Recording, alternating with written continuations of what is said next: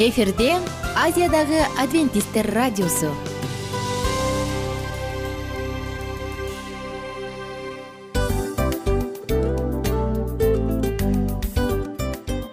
Достор салют. Баардык сүйүктүү угармандарыбызга салам айтабыз. Кутман күнүңүздөр менен.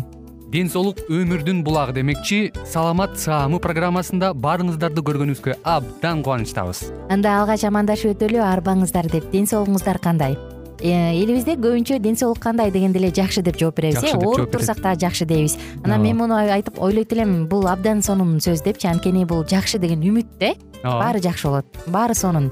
Деп үмүттөнүп атып эле өзүбүздү өзүбүз дарылап коебуз. Анысы кандай? Сиздин дагы ден соолугуңуз жакшы беш деген үмүттөбүз чындыгында ден соолук бул өмүрдүн булагы деп бекеринен айтылган эмес деп ойлойм. Кыргыз элинде анткени эгерде ден соолук жок болсо анда адамдын жашоосунда калган баардык керектүү маңыздуу нерселер өзүнүн баалуулугун жоготуп коет. Ошондуктан ден соолук бул эң керектүү нерсе. Ооба туура айтасың кесиптешим. Чынында ден соолугуң жок бир эки үч күн ооруп калсаң эле э кандай болуп калат? Жашоодо көз каранды болуп каласың көп нерсеге жетишпей каласың көп нерсени кыла албай каласың жада калса эшикке дүкөнгө да чыга албай каласың. Туптуура анан ден соолук болсо демек биз биздин бактыбыз тоодой деп койсок болот. Анда достор саламат саамы рубрикабызды баштайлы. Алдыда өзүңүзгө керектүү болгон сонун кеңештерди уга аласыздар. Мына ошондуктан биз менен бирге болуңуздар. Ал эми биз болсо милан жана айнура. Кеттик алга. Алга саламат саама ден соолуктун жарчысы. Саламат саама ден соолуктун ачкычы. Күн сайын сиз үчүн мыкты кеңештер сонун жаңылыктар кызыктуу фактылар. Биздин рубрикада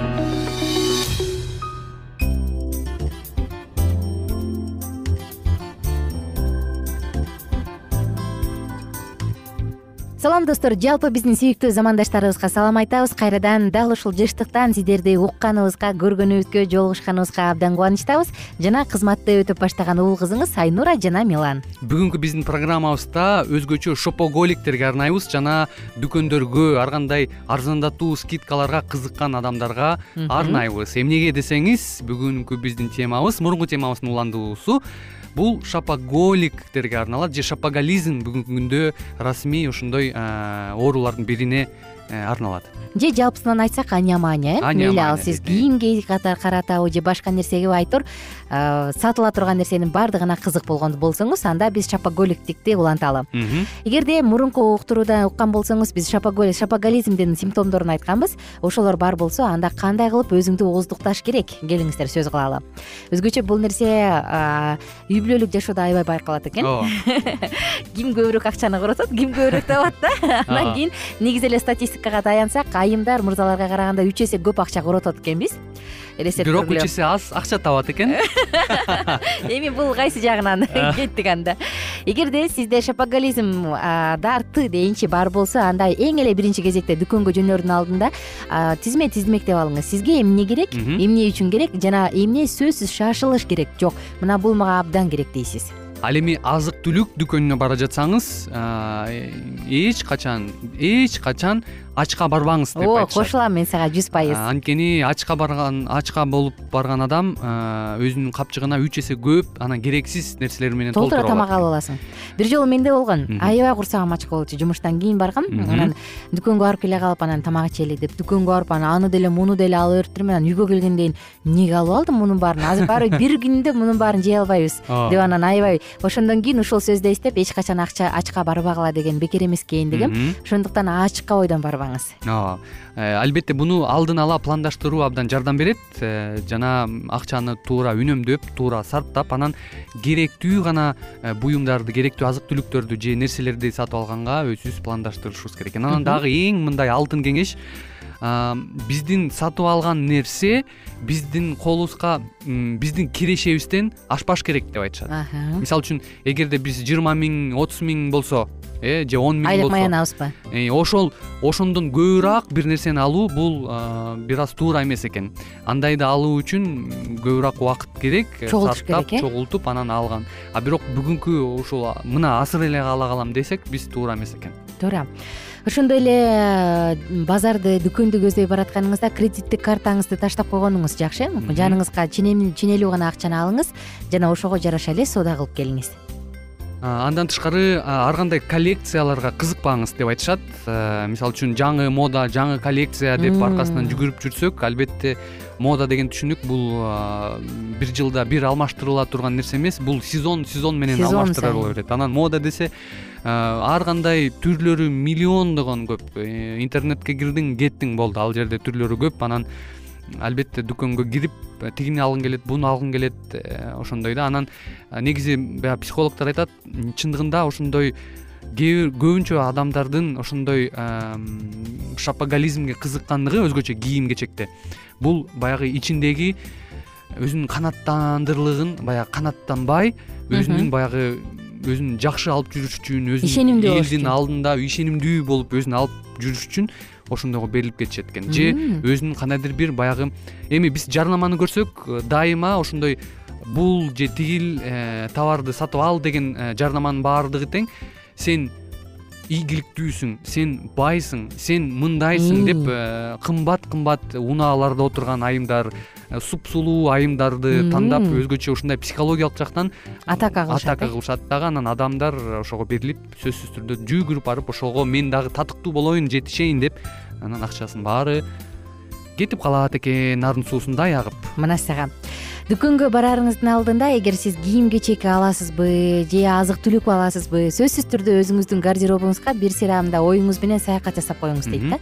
Менин эмне кийимдерим бар деп ачып карап коюңуз ар жакта сандыкта катылып жаткан кийимдерди бир сыйра карап коюңуз. Мунун баардыгы жок барбай эле коеюн бар турбайбы кийгенге деген ойго алып келет экен жана кайсы жерде гана арзандатуу болбосун ар бир магазин ал өзүнө минус кылып иштебейт туурабы э? Мисалы кантип эле мен жүз сомго алган товарымды элүү сомго сатайын туурабы мен жок дегенде эле жүз элүү сомго аракет сатканга аракет кылам да. Мына ошондуктан э, распродажа же арзандатып сатуулардын баардыгына көңүл бурбаңыз алардын кайырмагына илинбеңиз анан көбүнчө стрессти стресстен кутулуш үчүн депрессиядан чыгыш үчүн адамдардын көпчүлүгү ушундай шапоголизмге берилип кетет экен анын ордуна сиз балким бийлерсиз балким сүрөт тартып же спорт менен алектенип анын ордун алмаштырарсыз андан тышкары сөзсүз түрдө э, пландаштырыңыз эми. Бул жөнүндө биз айттык бирок э, мисалы үчүн бир кымбатыраак бирок керектүү бир буюмга муктаж болсок анда муну пландаштыруу зарыл экен. Мисалы үчүн ай сайын ушунчадан мен бөлүп турам э, чогултуп турам анан ушул бир нече убакыттан кийин ошол буюмга ээ болом деп пландаштырышыбыз керек экен. Анан эң мындай кеңешибиз кредитке албаганга аракет кылыңыз. Ооба абдан бүгүн кредит деген бизде чындыгында абдан чоң балейге айланды. Анткени Э, кредиттин башкы э, мындай маңызы чакырыгы бүгүн ал эртең төлө дейт. Бирок бул туура эмес. Бүгүн алып эртең төлөгөндүн дагы өзүнүн чоң бир баасы бар анын баасы бар. Ошон үчүн э, мындай жакшылап токтолуу менен жакшылап бир нерсени чечим чечим кабыл аларга чейин жакшылап таразага тарттырып ойлонуп анан иш кылсак окумуштуулардын айтымы боюнча эмне үчүн адамдар шапоголизм шапоголик болуп кетишет дегенде мындай дейт. Бирден бир себеби. Ал бала чагында ата энесинин көңүл буруусуна абдан муктаж болуп чоңойгон дейт анан кийин ата энеси аны баягы көңүл бура албай калгандыгын жалаң кийим кечек менен белек менен эле одаривать этип ошонун орду менен эле жаап коюп келишкен дейт да. Мындай адамдар а демек кийим кечек алыш керек деген акыл менен чоңоет дагы кийин шапоголик болот дейт. Же болбосо дагы бир дагы бир чети бар экен бул өтө эле жетишпей жашагандык такыр эле жарды жашагандык. Мен болочокто моундай кылбасам жакшы кийген балдардын кыздарды карап отуруп аларга суктанып отуруп анан жүрөгүндө ушундай бир ачкалык калып калат экен да анан чоңойгондо ошонун ордун толтуруш үчүн анан шапоголик да болуп кетишет экен. Караңызчы ар бир нерсенин өзүнүн чеги бар деп коет эмеспи ошондуктан эң негизгиси баягы франция эли айтып коет эмеспи кийимдин модасы кандай десе кийим модасы бул жарашыктуу болгону деп. Жарашыктуу кийинип э, керектүү буюмдарды алып жүрө берели ал эми акчабыз болсо бөксөрбөй тескерисинче көбөйсүн. Ушун менен коштошобуз сиздер менен. Пока пока кайрадан амандашканча саламат саама ден соолуктун жарчысы. Саламат саама ден соолуктун ачкычы. Күн сайын сиз үчүн мыкты кеңештер сонун жаңылыктар кызыктуу фактылар биздин рубрикада. Салют замандаштар баарыңыздарга ысык салам. Дил маек программабызга кош келиңиздер. Дил маек рубрикасы дегенде эле бул эмне болгон дил маек ким менен маектешебиз деп сурайт болуш керек угармандарыбыз бул рубриканы кыскача тааныштыра кете турган болсок ар тарап кесип ээлеринен болгон сонун интервью кеңештер бар. Ооба. Жылдыздар менен болгон маек бар. Аталарыбыздын агаларыбыздын чоң аталарыбыздан сонун кеңештер бар. Ошондой эле эже сиңдилердин кеңештери бар айтор. Баардык кызыктардын баары алдыда. Негизи эле адам баласы бир кимдир бирөөнө ишенип сырын ачкысы келет эмеспи э мындай баарлашууга жакын келебиз го. Албетте. Негизи бир жерге отуруп алып кенен шашпай баягы жүрөктөн жүрөккө ачып сырларыбызды ар кандай көйгөйлөрүбүз менен бөлүшүп баягы чын жүрөктөн маек курганды кимибиз сүйбөйбүз э? Ооба десең ал нерсеге суусап да келебиз да? Ооба кээ бирде адамга чындыгында баягы э, ысык маек баягы жылуу маек жетишпейт да. Ошондуктан биз ушул рубриканы ойлоп тапканыбызда эң биринчи эле достор сиздер менен чын жүрөктөн бир маңыздуу темаларды козгоп кеткени э, кааладык. Ошондуктан ушундай сонун бир рубриканы тартуулап жатабыз. Анын үстүнө радио дагы сонун дос да анткени э, мындай учурда досуңа айтсаң досуң досуна айтат досу досуна айтат да анан бүт өлкө билип калышы мүмкүн го. А радио болсо сени сатпаган сенин айыбыңды ачпаган сенин сырыңды эч кимге айтпаган сонун дос мына ошондуктан биздин алдыдагы айта турган кеңештерибизди биздин досторубуздун кеңештерин угуп анан ал жака пикириңизди дагы калтырып кайрадан биз менен байланышсаңыздар болот. Деги эле жашооңузга эгерде кичине болсо дагы өзгөрүү алып моралдык жактан моралдык жактан сонун бир кеңештерди алсаңыз демек биз максатыбызга жеттик. Ооба. Чыңгыз атабыз улуу жазуучу э, чыңгыз айтматов айткандай адам болуу бул күнүмдүк процесс экен. Күн сайын адам бойдон калуу бул адамзатка эң эле кыйын дейт э? э эң кыйын дейт. Чындыгында бунун негизинде адамдын эң баягы сапаттуулугу адамдын э, адамгерчилиги жана көптөгөн керектүү нерселер. Мына ошол темалар дагы бизде э, ушул дил маекте биз аларды да козгойбуз. Ден соолук жөнүндө да сүйлөшөбүз сөзсүз түрдө. Анан милан мырза негизи айтып коюшат го. Биз көбүнчө эмнени ойлонсок ошол нерсеге карата иш кылабыз го. Ооба. Анан анысы кандай? Балким бул радио баракчада кимдир бирөөнүн оюн текшергенге жардам берет кимдир бирөөнүн жүрөгүн текшергенге жардам берет. Балким кимдир бирөөгө жашоонун маңызын тапканга жардам берет. Айтор кызыктын баары алдыда бул жөн гана кыскача жарнама анда угармандарыбыздын баардыгын кийинки рубрикабызга чакырабыз. Ал эми кызматта маңдайымда отурган кесиптешим милан жана мен айнура. Анда эмесе биз даярдаган терең терең ойлор менен таанышууга кеттик. Алыс алыс баралык. Анда эмесе достор биз менен бирге болуңуздар. Алдыда эң кызыктуу маалыматтардын баардыгы бир нече мүнөттөр бою жалгыз гана сизге арналат мына ошондуктан жакшы маанай менен угууну каалайбыз. Үн алышканча. Жөнөдүк. Ар түрдүү ардактуу кесип ээлеринен алтын сөздөр жүрөк ачышкан сыр чачышкан сонун маек дил маек рубрикасында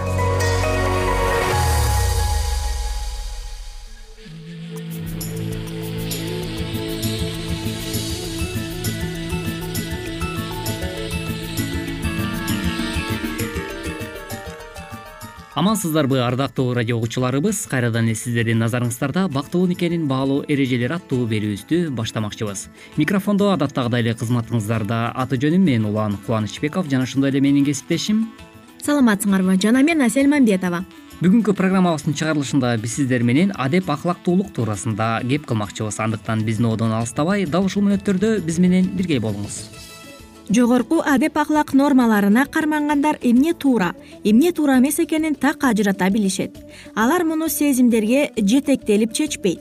Анын ордуна дайыма түгүл башкалар көрбөгөндө да принциптерге жетектелип иш кылышат. Бул эмне үчүн маанилүү?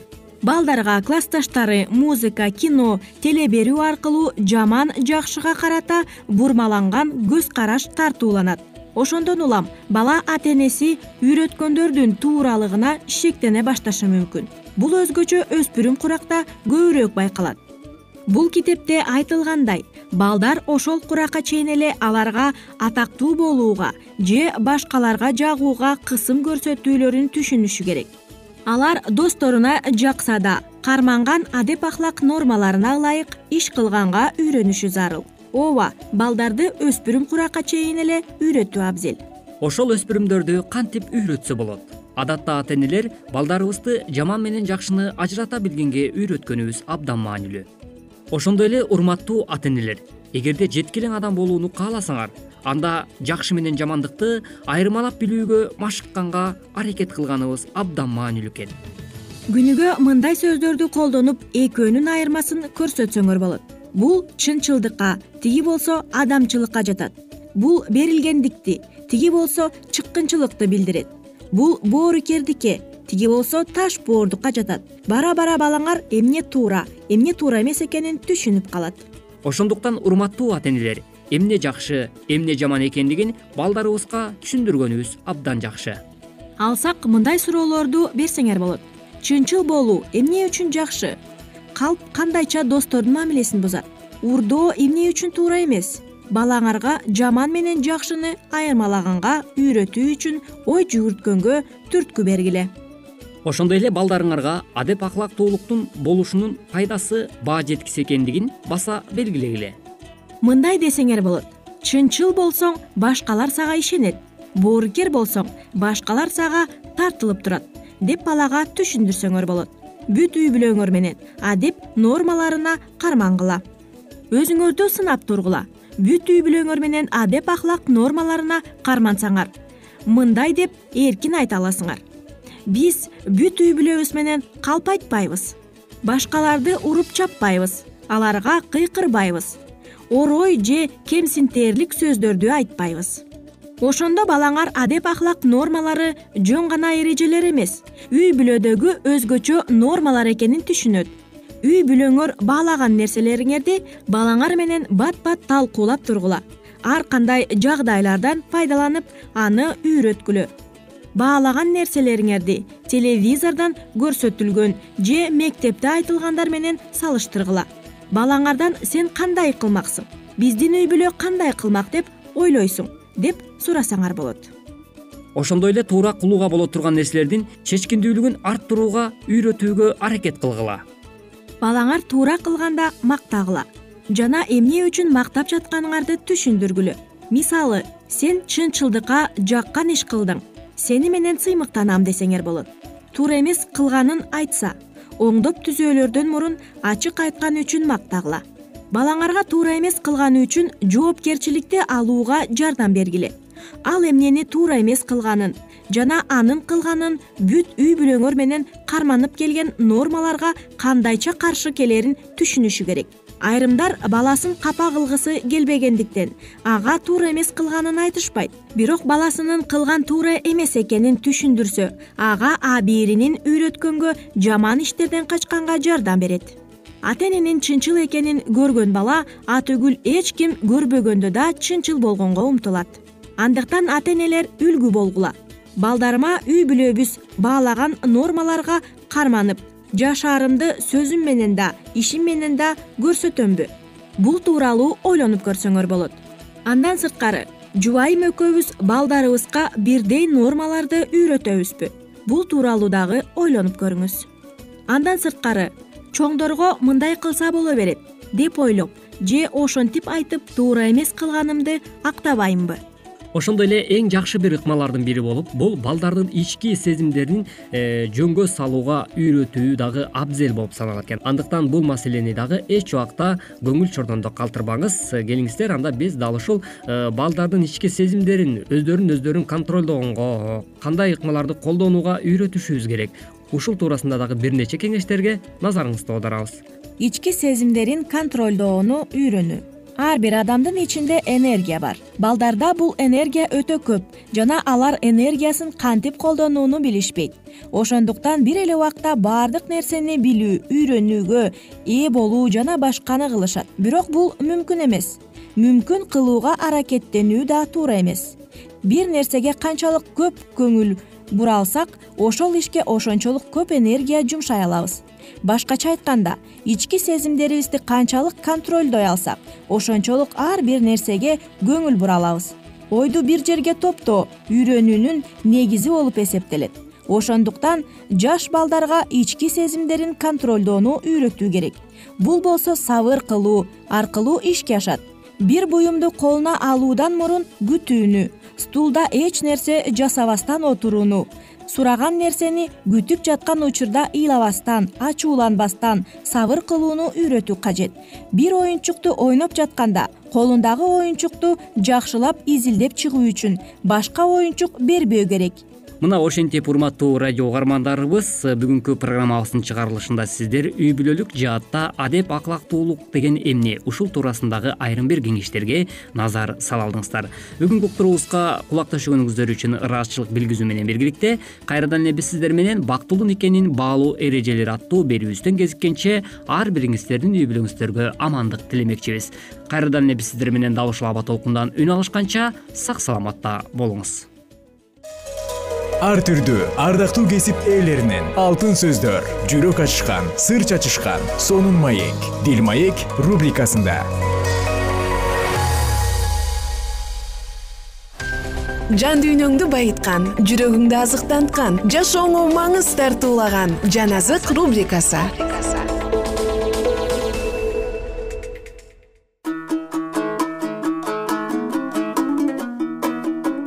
кутмандуу күнүңүздөр менен достор. Жалпы угармандарыбызга салам жана биздин жыштыкка кош келиңиздер. Бул толкундан бүгүн дагы сиздер менен бирге жан азык уктуруусунда куткарылуу тарыхын китебин бирге улантууга даярбыз. А сиз даярсызбы? Анда алдыга жөнөдүк. Кудайдын периштелеринин жана куткарылган адамдардын жеңиш ыры он миңдеген музыкалык аспаптардын үнү сыяктанып жаңырып турду. Аларды шайтан эми азгырып ыза кылбай тургандыгына жана башка дүйнөлөр анын азгыруу кылмышына кириптер болгондугуна шаттанып жатышты. Ыйса машаяк жана куткарылган адамдар тактысында отурушту адилеттүү адамдар кудайдын койгон дин кызматчылары жана төрөлөрү сыяктуу кызмат кылышат.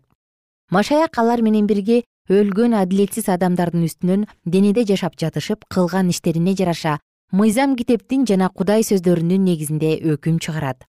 Ошондон кийин алардын ысымдары өлүм китебине жазылды. Машаяк жана анын периштелери дагы шайтанды жана анын периштелеринин үстүнөн өкүм чыгарышты. Шайтанды күтүп турган жаза ал азгырган периштелерге караганда катаал болот. Анын чеге турган азаптарын ал кыйраткан адамдардын азаптары менен салыштыруу мүмкүн эмес. Анын сөздөрүнө алданып калгандардын баары өлсө дагы анын азап чеккен мезгили көп убакыттарга созулат миң жыл убакыт өткөндөн кийин өлгөн адамдар үчүн өкүм чыгып бүткөндө ыйса машаяк шаардан чыкты. Жана анын артынан асман аскери коштоп бара жатышты. Ал жерге барып бир тоого буту тиери менен ал тоо быркырап талкаланып түздүккө айланды. Жана асмандан он эки негизи жана төрт тарабында үчтөн он эки дарбазасы бар эбегейсиз зор шаар түшүп келе жатты. Баары мындай деп үн катып жатышты улуу шаар шаар ал асмандагы кудайдан түшүп келе жатат. Алар ыйса машаяк жерге даярдап койгон түздүккө өзүнүн көздүн жоосун алган кооздугу жана даңкы менен түштү. Экинчи тирилүү. Ошондо ыйса машаяк өз буйругу менен жерде жаткан адилетсиз адамдарга тирилүүгө буйрук берди. Алар кимиси кандай абалда өлсө дал ошондой болуп тирилишти.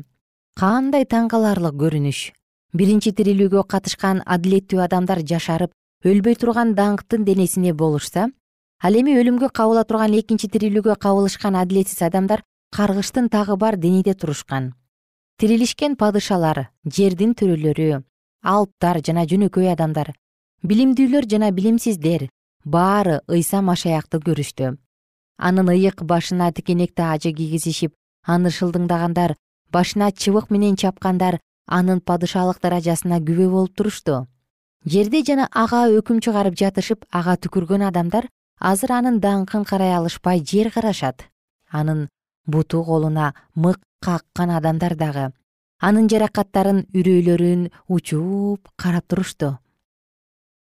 Анын капталын найза менен теше сайган адамдар өз катаалдыктарынын жемишин көрүштү. Бардыгы шылдың кылышып аны керип салышкандыгын жана анын өлүм алдындагы кыйналуусуна күбө болгондугун эми түшүнүштү. Эми падышалардын падышасынын мырзалардын мырзасынын көз алдында баштарын коерго качып кутулууга жер табышпай үрөйлөрү учурушат. Бир кезде жек көрүшкөнүн өзүнөн азыр таштарга бекинишип жашынышат. Анын даңкынан чыккан нурга тикей караша албай бир тилден мындай деп жатышты. Теңирдин атынан келе жатканга даңк болсун. Ошондон кийин гана ыйса машаяк асман периштелеринин коштоосу менен шаарга кирди. Адилетсиз адамдардын озондошуп ыйлагандары жер жаңырат. Эми шайтан кайрадан өз ишин аткарууга киришти. Ал өзүнө тийиштүүлөрдүн баарын кыдырып алардын алсыздарын дагы күчкө толтурду ал аларга түмөндөгөн адамдардын жана өзүнүн периштелеринин дагы күчтүү экендигин айтып жатты. Алардын арасында падышалыктарды жеңишкен улуу башчылар шыктуу жоокерлер алп адамдар жана жеңилүүнү билишпеген баатырлар бар экендигин айтат. Алардын өлөөр алдындагы ою дагы деле өздөрү менен болуп жеңишке жетишүү максаттары жанданды. Шайтан алды менен өз периштелери андан кийин падышалар башчылар баатырлар менен акылдашып аларга өздөрүнүн түмөн колдорун көргөзүп бул шаарды басып алабыз жана андагы алсыз тургундарды кубалап андагы байлыкка жана даңкка ээ болобуз деген чечим кабыл алышты. Шайтан бардыгын айлакердик менен көндүрдү жана алар тезинен шаарды басып алууга даярдык көрө башташты. Дүйнөнүн тажрыйбалуу адамдары кыска мөөнөттүн ичинде эле ар түрдүү курал жарактарды даярдап киришти ошондон кийин түмөндөгөн кол шайтандын жетектөөсү менен шаарга багыт алышты. Алардын ар бир бөлүгүнүн алдында өтө тажрыйбалуу башчылар дайындалган. Жана басып алуу үчүн курчоого алышкан адилетсиздердин алдында ыйса машаяк шаардын дарбазаларын жапты. Машаяктын падышалыгы. Эми машаяктын душмандары кайрадан аны көрө алышат. Көздү уялткан алтын шаардын үстүндө бийик мактоого татырлык такты көрүндү анын үстүндө машаяк отурган. Анын айланасында анын падышалыгынын өкүлдөрү. Машаяктын даңкын бир дагы калем менен жазып жеткирип бир дагы тил менен айтып берүү мүмкүн эмес. Кудай атанын түбөлүктүү даңкы аны курчап турду. Анын даңкынан кудайдын шаары жаркырап жер үстүн жарык кылат. Тактынын алдында мурда шайтанга кызмат кылышып бирок оттун ичинен алынган чок сыяктуу өз куткаруучусун ээрчип кетишкен адамдар. Алардын артында түгөл дүйнө кереги жок дешип жатышканда кудайдын мыйзамдарын туу тутушкан адамдар алардын наары кылымдар аралыгында ишеним үчүн азап тартып кыйналышкан миллиондогон ишенимдүү адамдар турду. Андан тышкары түмөндөгөн ар кайсы улур уруудан тилден жана элден болгон адамдар тактынын жана падышанын машаяктын алдында ак кийинишип колдоруна пальма бутактарын кармап турушкан. Аян китеби жетинчи бап тогузунчу аят достор мына ушул жерден биз саатыбызды токтотобуз жана кийинки уктурууда окуябыз. Андан ары эмне болот экенин бирге окуйбуз. Ошондуктан достор жалпыңыздарды кийинки уктуруудан күтүп алабыз. Күнүңүздөр көңүлдүү улансын бар болуңуздар бай болуңуздар жана ар дайым жаратканым сиздерди ырайым менен сактасын. Кайрадан саламдашканча амандашканча жана үн алышканча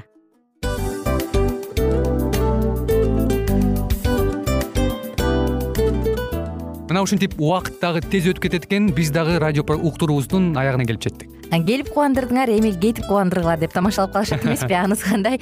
Радио баракчабызды программабызды азыр эле баштап аткандай болдук элек. Мына соңуна келдик э? Негизи убакыт э, билинбей өтүп кетет экен?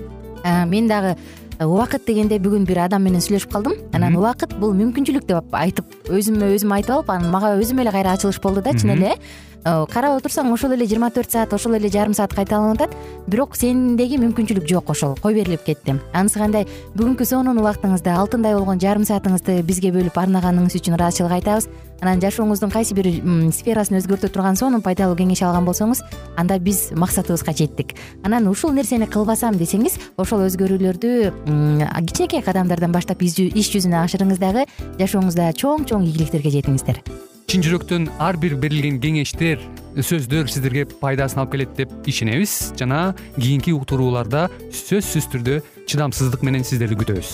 Сагынычтуу салам айтып кайрадан дал ушул жыштыктан баардыгыңыздарды тосуп алганча. Кызматта мен айнура жана кесиптешим милан. Анда кол булгалайбыз жалпыңыздарга ийгиликтүү күн. Саламатта калыңыздар